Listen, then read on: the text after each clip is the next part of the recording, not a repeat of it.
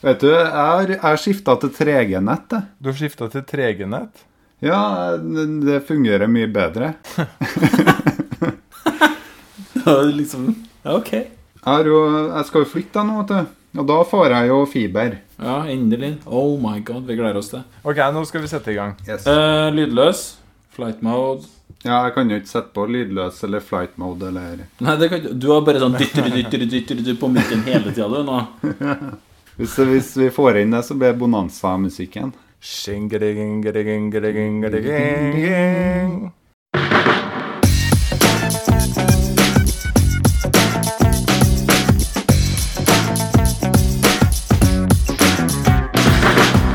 Du hører på Psykologlunsj, populærvitenskapelig lunsjprat med psykologene Tommy, Jonas og Jan Ole.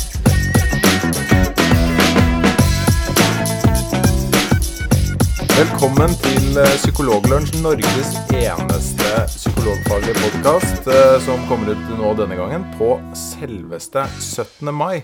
Det er 200 år siden Grunnloven ble skrevet. Og visste dere det, gutter, at eh, faktisk to av mine forfedre satt på Eidsvoll og skrev under den grunnloven? På Kon-Tiki. Oi. Ikke på Kon-Tiki, men i, i, i Eidsvoll, eller på Eidsvoll. Iver Hesselberg og Thomas Bryn. Du har bare forfedre spredd overalt i Norges historie, du. Det er overalt. Eh, Harald Hårfagre han var jo faktisk ikke en av mine forfedre. Nei. Nei. Og nå har alle de gode genene kulminert i at Jan Ole Heseberg har fått Gullruten. Eh, det er vel mye Det har vel vært mye innavl. Og eh, så vidt jeg har forstått, så premieres innavl eh, Med tungt i Bergen. Med gullrute. Eh, men det er jo et eh, jubileum som har gått eh, oss helt forbi. Og det er at eh, vi har feiret ett år som Norges eneste psykologfaglige podkast. Det. Det står det respekt av. Det vil jeg si. Og for de av dere som ikke vet hva dere helt har kommet til, så er det da en podkast bestående av tre psykologer. Den ene heter Jonas Rumperdunk eh, Våg. og den andre heter Tommy Gummihanske Mangerød. I, vi skal jo ikke bare snakke tull. Vi skal eh, også snakke litt eh, psykologfag. Og i dag så skal vi snakke om to ting. Og det ene er frisørskrekk. Hun rir landet som en mare for tiden, og det skal Jonas eh, fortelle litt om. Og så har vi fått et eh, lyttespørsmål som vi skal svare på litt senere. Jonas, du eh, har jo litt frisørskrekk selv, så kanskje du skal fortelle litt om hvordan det er å leve med denne lille fobien? Ja, nei, for dem som kjenner meg, så vet vel kanskje folk at jeg klipper meg sånn cirka én gang i året. Kanskje til nød to ga- en gang i halvåret. Eh, en gang før jul, og så en gang før 17. mai. Sånn at jeg får lov til å gå i toget sammen med resten. Og da Og jeg vet ikke sånn Jeg vet ikke hvilken type opprinnelse det har. Det er ikke sånn at jeg har eh, vært redd for eh, Jeg har ikke sett eh, filmen om Edvard Saksehånd f.eks. og blitt, blitt redd for saksa.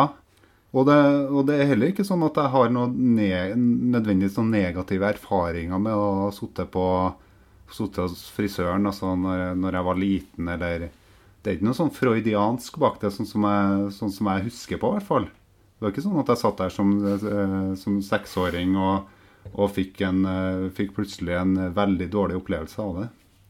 Det var ikke det. Men Eller eh, at du, du, ble, du ble klippet av faren din, og så skulle du ønske at du ble klippet av moren din. Klassisk, klassisk sånn veldig mild form for Ødipus-kompleks. Men eh, jeg har liksom gått litt etter det i sømmene. Eh, Så, så tror jeg det har litt med at eh, jeg som tenåring var litt sånn som tenåringer flest, spesielt gutter. da. Sånn lett knisende, flirende, sosialfobisk gutt. eh, Som, eh, som eh, var litt sånn eh, redd for hvordan andre oppfatta meg. Og eh, tenkte ikke så høyt om utseendet mitt og, og sånne type ting.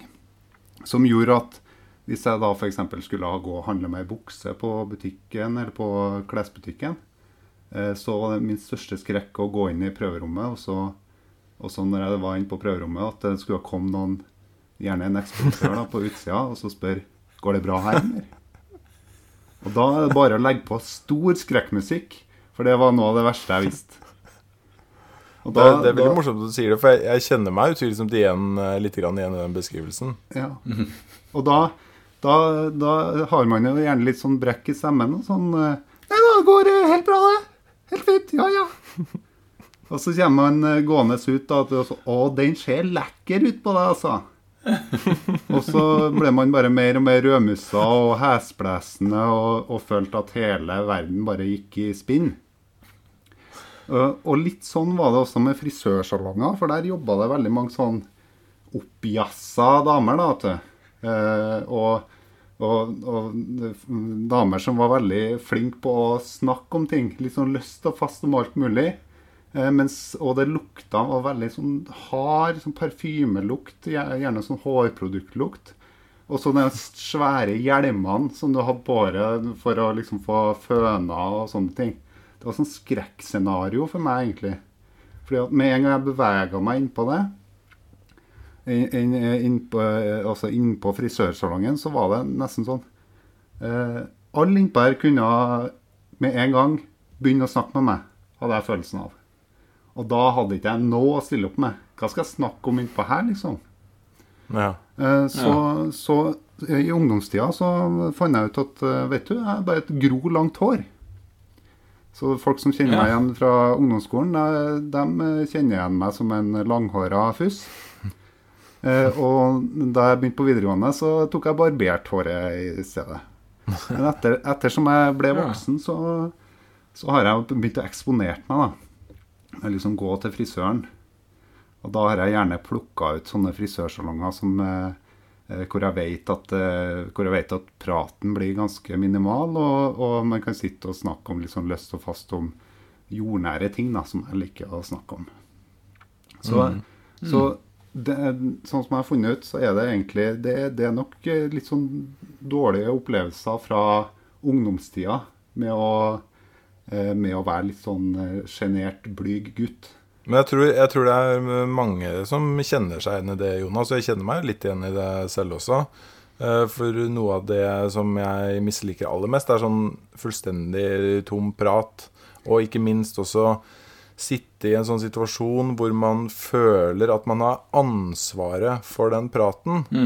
Eh, Sånn at hvis du får en veldig blid og hyggelig frisør, og så eh, kommer, dukker det opp noen spørsmål og sånne ting, og så svarer du litt kort, og så dør praten litt, og så sitter du plutselig der, og det, det liksom har gått et halvt minutt, det går et minutt, og så begynner du å tenke 'hva skal jeg si nå?' Og så plutselig har det gått to minutter, og så bare går tida, og så bare bygger det seg opp sånne tanker om at 'nå må jeg komme på noe, et eller annet å si'. Og, ja, og når eh, du da får spørsmålet som man alltid får, er jo 'hva jobber du med', da? Og så Da blir jo ansvaret bare enda større hvis du da hender seg at du er psykolog, f.eks. Da.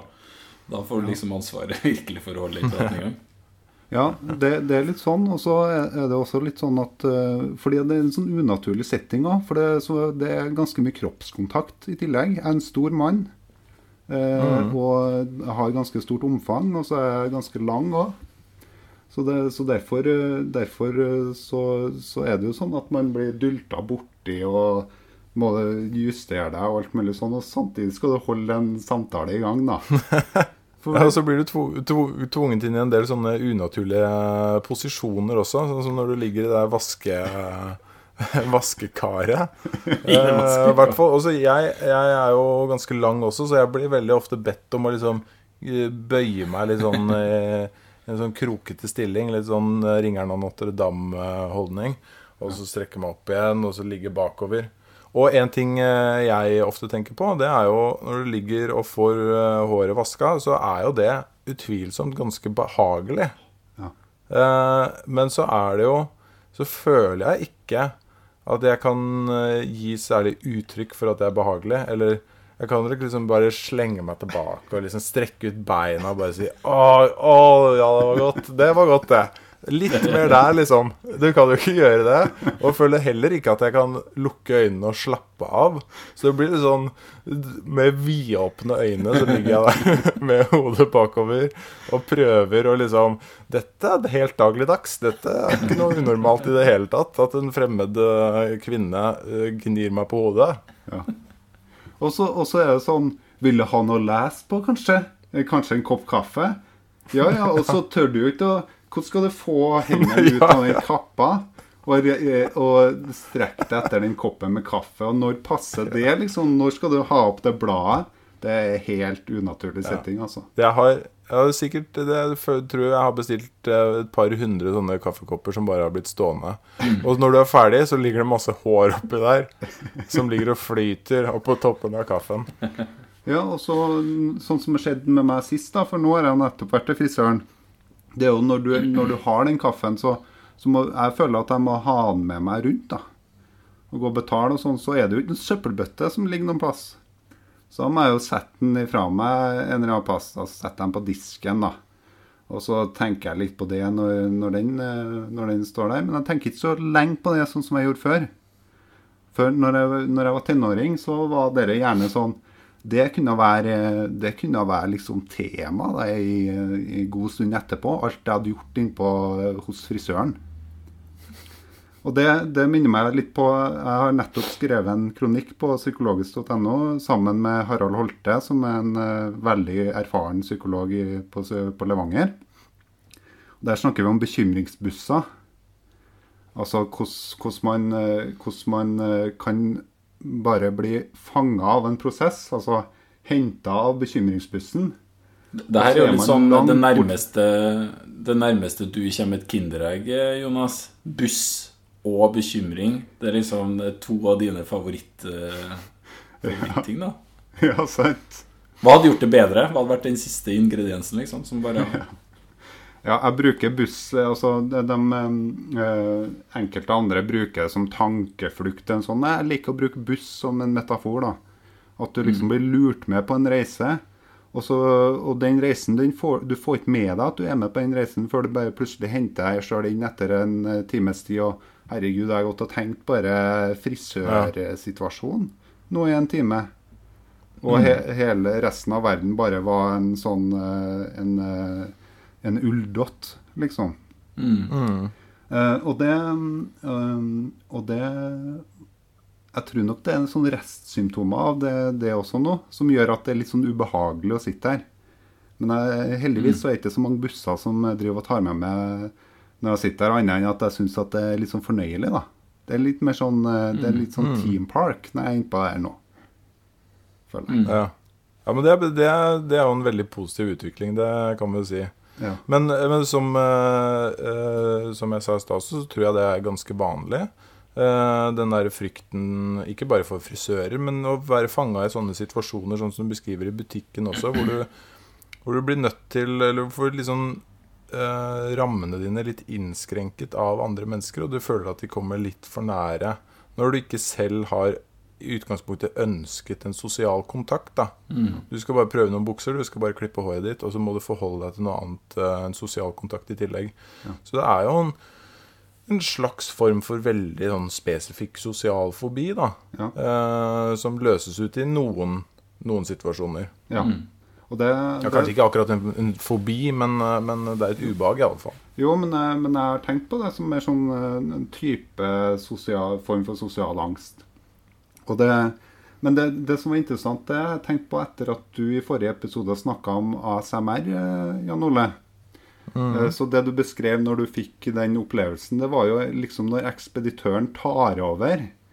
Eh, Og du bare kan være en litt sånn eh, distansert observatør av det som foregår. Hvor hele dialogen liksom holdes opp av, eh, av ekspeditøren. Og da, Ja. da har jeg tenkt litt på hos frisøren.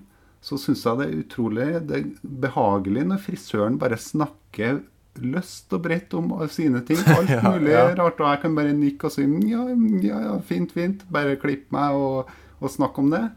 Og da, da er det egentlig ganske ganske ålreit. Så når, først når kontrollen blir gitt over på deg sjøl, og du sjøl opplever at du må bære samtalen, Altså, nå sitter Ja. jeg her hos frisøren, og jeg, jeg også må være Jeg må være eh, Det er liksom lørdagskveld, og, og Dan Børge er på, på underholdnings... eh, altså klokka, klokka åtte på lørdagskvelden, og Dan Børge akkurat Ja. skal gå inn.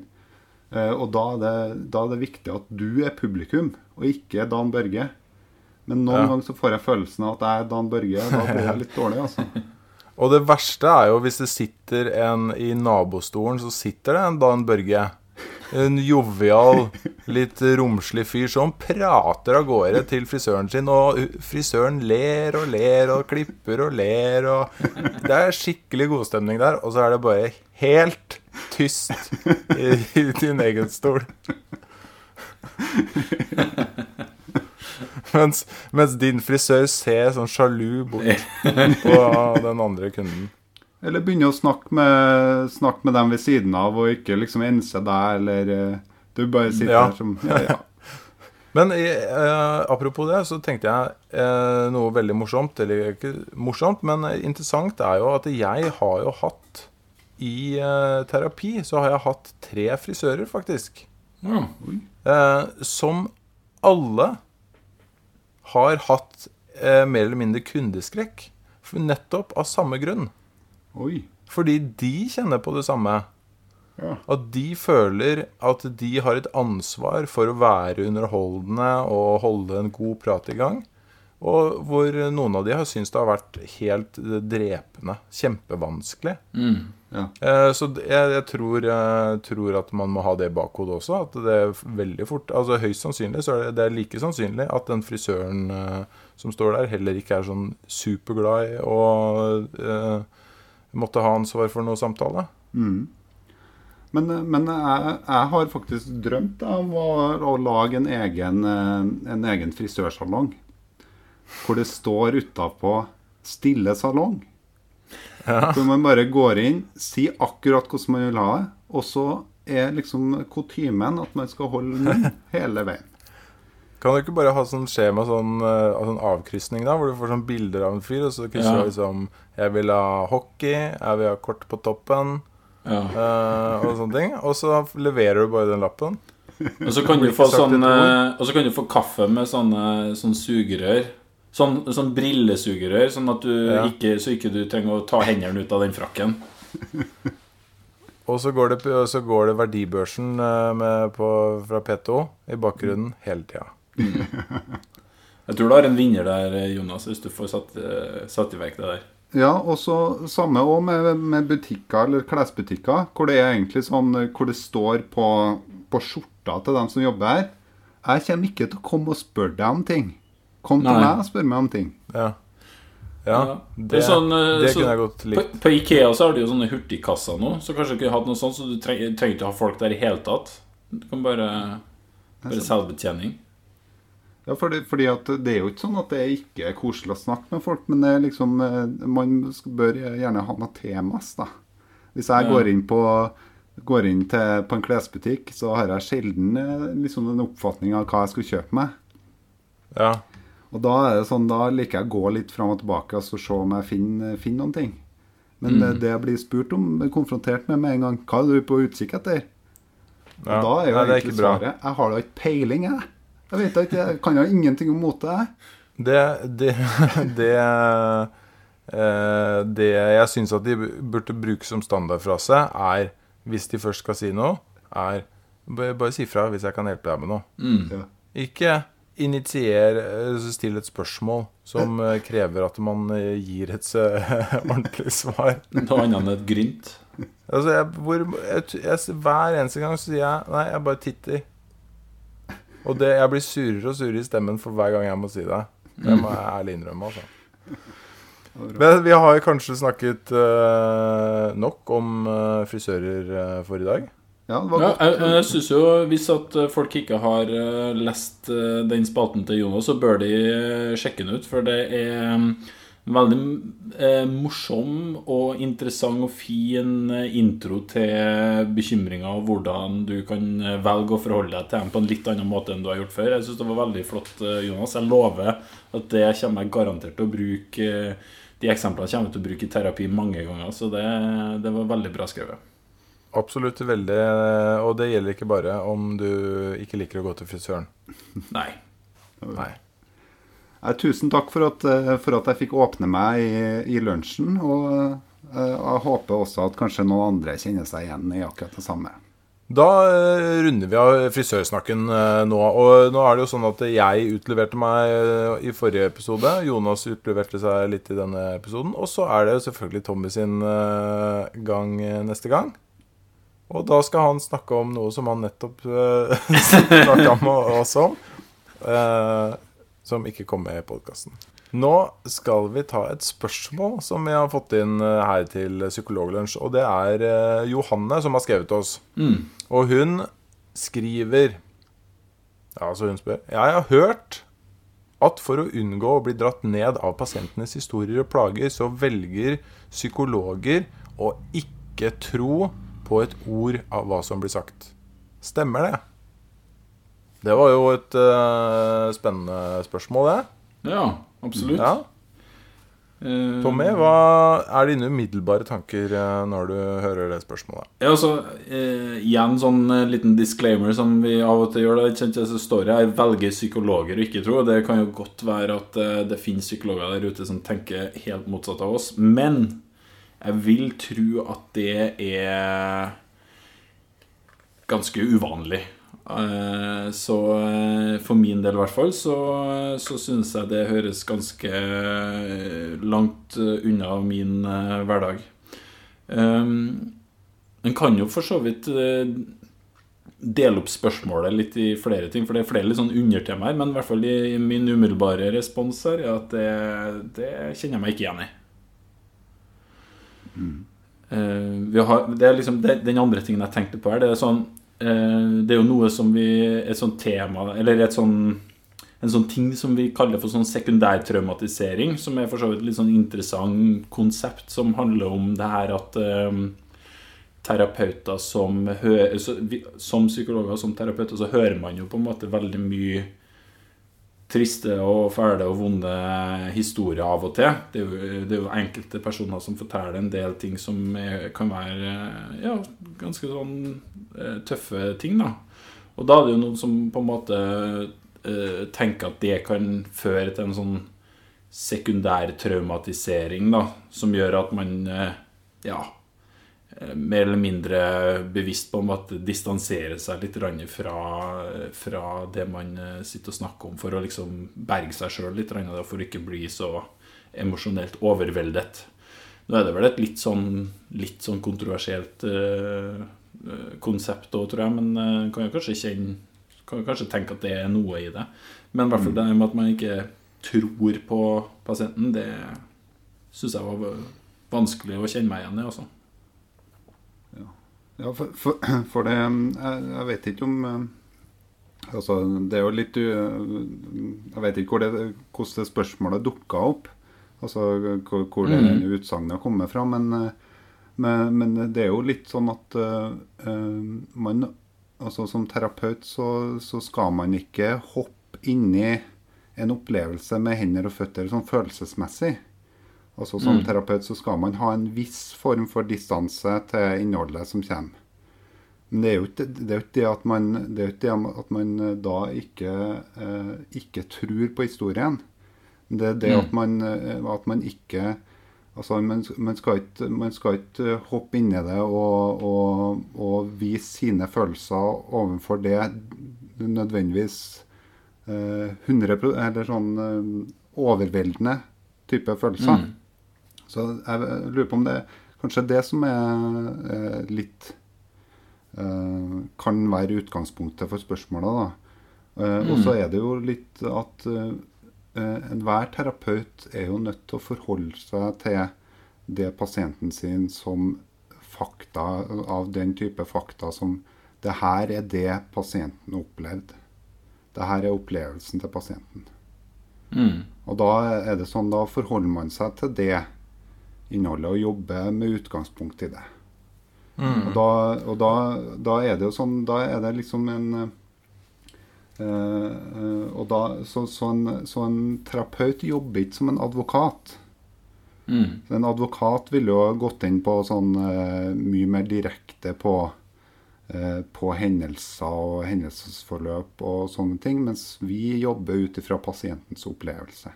Eh, En litt sånn interessant ting egentlig som jeg tenker over når vi snakker sammen nå, det er jo det her at eh, vi, vi liksom tenker sånn automatisk kanskje litt på det med eh, sannhets... Eh, eh, altså hvor sant det er den historien, eller hvor troverdig den historien til pasienten er. En kan jo for så vidt eh, snu, det, snu det litt om hvis man tenker om hvis at du får en pasient, eh, Jonas, som, eh, som, har, som er deprimert og som tenker på en måte veldig mye negative tanker om seg sjøl, så vil jo, hvis du velger en terapimetode som går mer på det her med en kognitiv atferdsterapi, som går på det her og nettopp å utfordre en del av de her negative tankene om seg sjøl, så stiller jo faktisk du akkurat de spørsmålene som kan ha vært med på å liksom bekrefte det som er spørsmålet til Janne. For da spør du ja, hva er egentlig bevisene for at du tror at du er verdens verste person, og at eh, ingen liker deg. Hva er, egentlig, er, det egentlig sant? Det sånn at, men jeg tror ikke det var det nødvendigvis Johanne tenkte på, altså, men det er, liksom, det er jo en annen måte å tenke på det òg, for så vidt.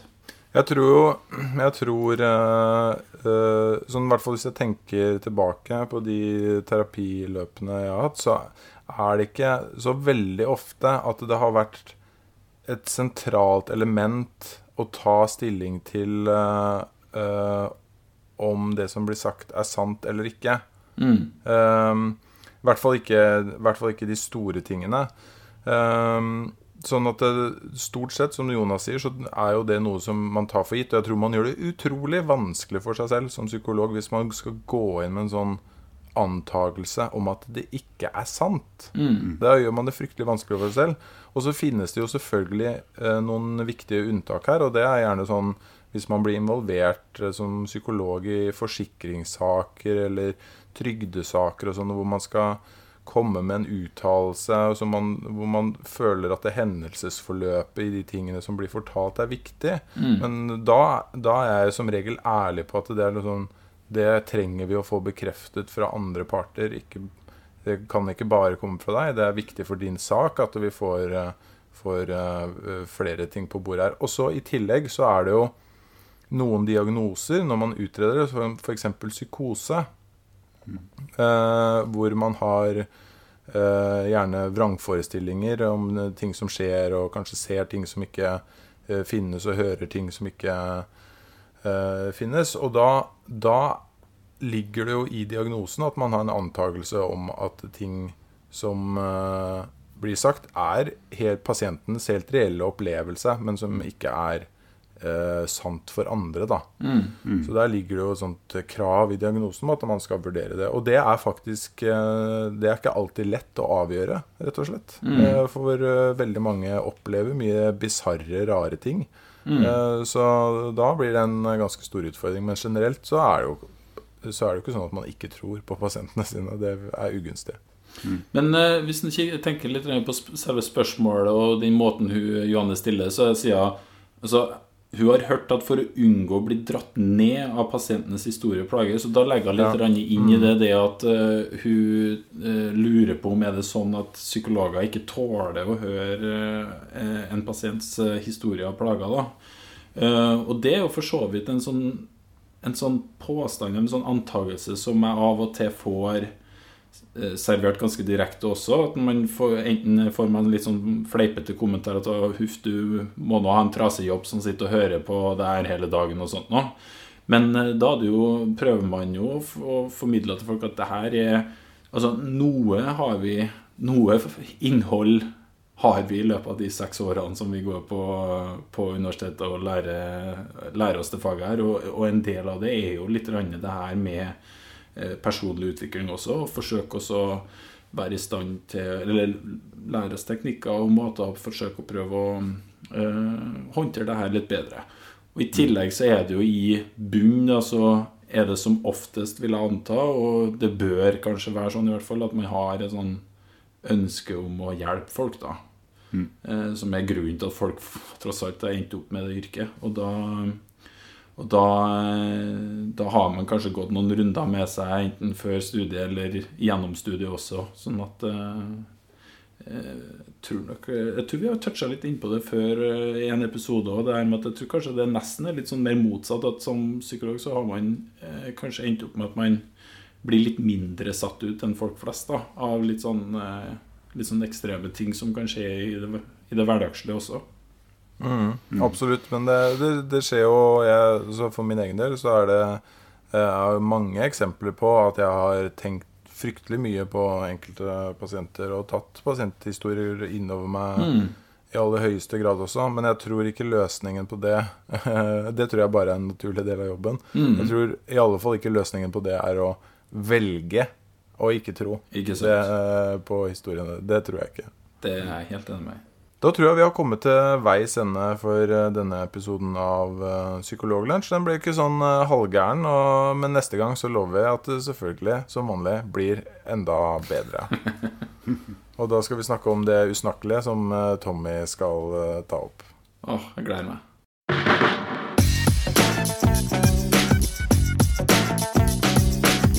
Du har nå lytta til Psykologlunsj. Har du noen spørsmål, kan du søke opp Psykologlunsj på Twitter, eller du kan sende en e-post til psykologlunsj alfakrøll.gmail.com. Mer informasjon om temaet du har hørt i dag, finner du på psykologibloggen.no og tankesmed.no.